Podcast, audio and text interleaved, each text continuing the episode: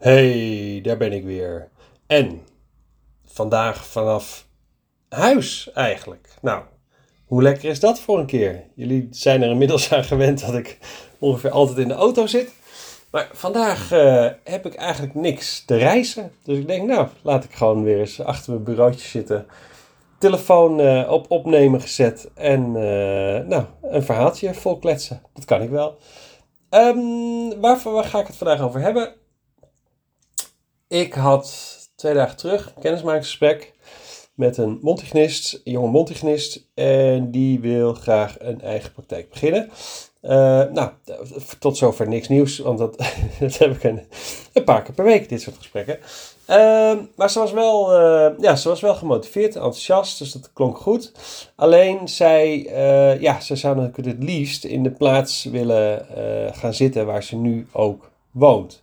Um, maar goed, daar werkt ze nu ook al voor in dit geval een, een van de vele ketens die we hebben. Dus ik stelde haar op een gegeven moment de vraag: um, heb je een concurrentiebeding? Een wat kreeg ik terug? Ik denk, oké. Dus hier, ik denk, die heeft nog niet mijn podcast geluisterd. Want ik heb een keer een aflevering opgenomen over een concurrentiebeding. En uh, oh, ik zit nu toch achter mijn computer. Dus dat kan ik tegenwoordig gewoon even opzoeken. Nummer 35 is dat. Um, dus ik zeg, nou, een concurrentiebeding staat vaak in je uh, overeenkomst van opdracht uh, als ZZP'er. En daar staan de regels in als je voor jezelf wilt beginnen en hoe je met patiënten omgaat. En dus ik zeg, het is een beetje een mix tussen een concurrentie en een relatiebeding.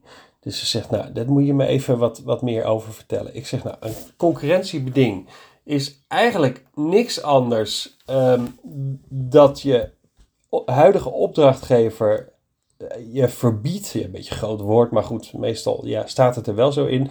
Je verbiedt om zelf een praktijk te beginnen of uh, voor een concurrent, zogenaamde concurrent, te gaan werken binnen een straal van x kilometer.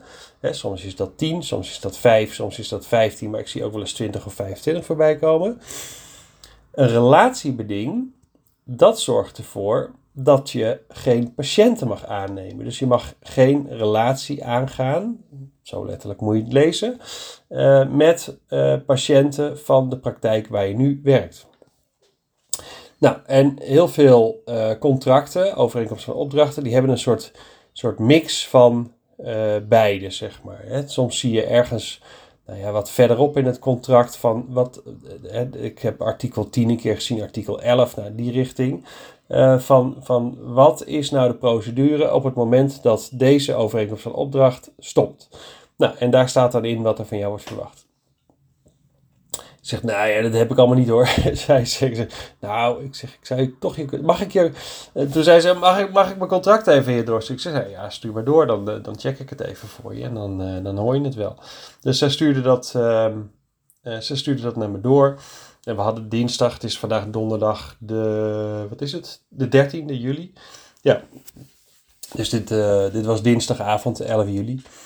Um, en um, dus ik zeg, joh, ik kijk er uh, morgen even naar. Dus ik ben gisterochtend even gaan kijken.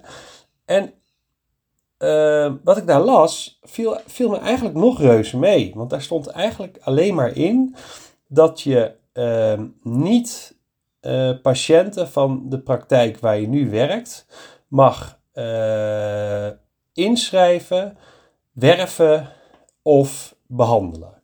Dus het was, het was niet eens een concurrentiebeding. Er stond gewoon in, er stond ook letterlijk in dat je, dat je wel degelijk voor een andere praktijk mag werken. Uh, of je eigen praktijk mag beginnen, maar dat, dat stond er gewoon bij. Je mag alleen geen patiënten aannemen. Toen dacht ik van, oh, nou dat valt op zich nog wel mee. Dat, viel me reuze mee trouwens. Uh, en de uitzondering daarop was dan dat je, als je verder weg zat dan 20 kilometer, uh, dan mocht het wel. Nou, dat is ook niet zo raar, want uh, er zijn niet heel veel mensen die een afstand van 20 kilometer gaan overbruggen om naar hun eigen behandelaar te gaan. Ik ken ze wel hoor. Sommige mensen zijn zo enorm tevreden met hun uh, dat ze, maakt niet uit waar die mondhygiënist naartoe gaat, ze gaan toch wel mee. Zeker als je misschien ooit als, als angstpatiënt bent binnengekomen en, en, je eindelijk iemand hebt gevonden die daar gewoon heel fijn mee om weet te gaan en jou je geruststelt en je nou ja, een pijnloze maar goede behandeling geeft, dan snap ik wel. Als je dan eenmaal iemand hebt gevonden die dat eh, bij je doet, dat als die persoon 25 kilometer verderop gaat zitten vanaf morgen, dat je gewoon meegaat. Maar goed, er stond dus in uh, dat je geen patiënten mag uh, werven, inschrijven of behandelen van deze praktijk. Uh, tenzij je meer dan 20 kilometer bij de praktijk uh, vandaan zit, dus daar gaat werken of weer praktijk start. En dat geldt dan niet voor de eerste 25 patiënten.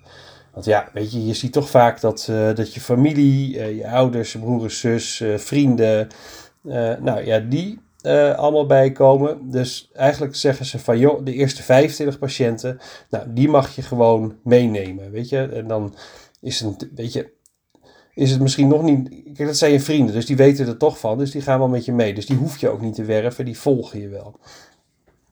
Ja, ik dacht zelf, nou, eigenlijk valt deze regel wel mee. Het, was wel, het, het geldt wel voor 24 maanden. Uh, dus het was best lang, twee jaar. Um, nou ja, dus wat je eigenlijk doet, is je start gewoon je praktijk. Uh, je gaat gewoon beginnen met je, je marketing en het, en het werven van patiënten. Alleen als zich dus patiënten melden die jij hebt uh, behandeld of staan ingeschreven bij de praktijk waar je hebt gewerkt, ja, die mag je officieel niet aannemen als patiënt. Um, en is dat leuk? Nee, dat is absoluut niet leuk. En ik, ik ben nog steeds van mening, weet je, jullie weten inmiddels hoe ik denk over concurrentie, want ik, ik, ik geloof dat ieder bedrijf gewoon op eigen kracht moet, moet draaien. En, en, en niet zo moet kijken naar wat anderen precies doen en, en of ze dat kunnen kopiëren. Kijk, je kan best dingen kopiëren die, die goed zijn. Als je merkt dat. Hè, stel je komt, je komt ergens binnen en je, en je hebt zelf al het idee van: oh, hier voel ik me echt prettig. Om, om wat voor reden dan ook. Dat kan een. Dat kan een inrichting zijn, een sfeer zijn, de, de manier waarop je wordt benaderd door iemand die achter een balie zit. Uh, het kan muziek zijn, het kan geur zijn, het kan van alles zijn, waardoor jij je prettig voelt. Nou, als jij dan denkt van, hé, uh, hey, dat, dat is wel iets wat ik in mijn eigen praktijk ook wel zou willen. Nou, weet je, dat je dat dan uh, overneemt, dat is niet zo erg. Sterker nog, ik, ik ga sinds kort naar naar een mondhygiënist uh, bij mij in de buurt. Ik woon in Alkmaar, ze zit in, in uh, Herengewaard. Dat is een Mondzorg Middenweg heet dat. Uh, en Noor is daar mijn, mijn mondhygiënist. en ehm, nou, die is daar net voor zichzelf begonnen. En ze zit nog een beetje in een try-out fase. Ze is nog niet officieel open, heeft nog helemaal niet gepromoot. Maar om de een of andere reden weten mensen al heel erg te vinden. en ik was gewoon op zoek naar een ja, naar een kundige mondhygiënist die, die gewoon uh, mijn gezin en, en, en mij natuurlijk zelf ook gewoon wil behandelen. Nou, dus ik kwam, ik kwam uh, maanden geleden al met Noor in contact via via. En ze zou een praktijk gaan starten bij haar huis. En ze had al een, een, een, een garage zeg maar, op haar terrein staan. Want ze woont in een vrijstaande woning. En ze had al een garage staan op, die, uh, op, op, op haar kavel, zeg maar. Dus het plan was om die te gaan ombouwen naar praktijk. Maar goed, haar man is super handig. Die heeft ongeveer het halve huis gebouwd. Ze was al bezig met een dental depot. Dus ik heb eigenlijk weer, joh, we hebben gewoon een leuk gesprek in de tuin gehad. Het was lekker weer. En uh, ik heb gezegd van, nou weet je, jij red je prima zonder mij. Want het, ja, het zit ook niet in mij om, uh, om, om dingen aan te smeren die je niet nodig hebt. Uh, maar goed, we hielden wel contact en af en toe had ze gewoon een vraagje. Nou, die kan ik natuurlijk zo even beantwoorden. En ja, toen was ik eigenlijk op zoek naar, naar een andere mondhygiënist. En toen dacht ik van, hé, hey, die Noer, die zit, nou, ze zit vijf kilometer bij mij vandaan. dus daar kunnen we gewoon op de fiets naartoe. Nou, en zodoende is dat nu mijn mondhygiënist. Maar wat ik daarover wil zeggen, want ik dwaal natuurlijk weer af. Um, weet je, zij had een wijs in de wachtkamer, had ze wijsgaaf, behang op de muur. En, eh, en, en wij zochten nog een behangetje voor in onze eigen gang. Dus we, we hebben nu dezelfde. En gisteren, en we zoeken nog, nog haken, want we hebben nog wel een kapstok, maar we willen een paar haken aan de muur, zodat ook kinderen daar wat beter bij kunnen. Uh, en ik was daar gisteren voor een behandeling. En ik kijk naar en ik denk, hé, hey, dat zijn eigenlijk gave kledinghaken. Dus ik een foto gemaakt. Ik zeg, Noor, waar heb je die vandaan? Nou, en zodoende. Ja, dat is ook kopiëren, hè. Maar goed, is dat erg? Nou, nee. Ik denk, zij, zij vindt het vooral leuk dat, dat nou, haar smaak uh, uh, bij mij ook in de smaak valt, zeg maar. En voor mij is het handig, want het scheelt mij weer een mega zoektocht naar die haken. Want inmiddels zijn we al zes winkels verder. Um, kijk, dus dat is dat is kopiëren en dat is niet zo erg. Maar goed, over concurrentie. Weet je, als jij bij een grote praktijk werkt um, en, um, en jij zou vertrekken en je zou, weet ik veel, uh, drie kilometer verderop een eigen praktijk starten.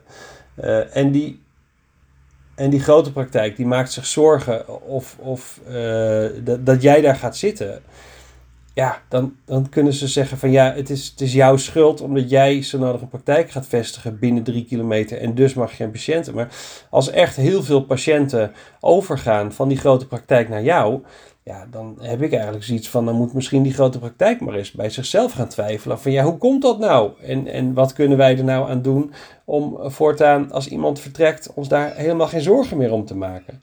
Dus ja, dat, dat, dat is een beetje hoe ik erin sta.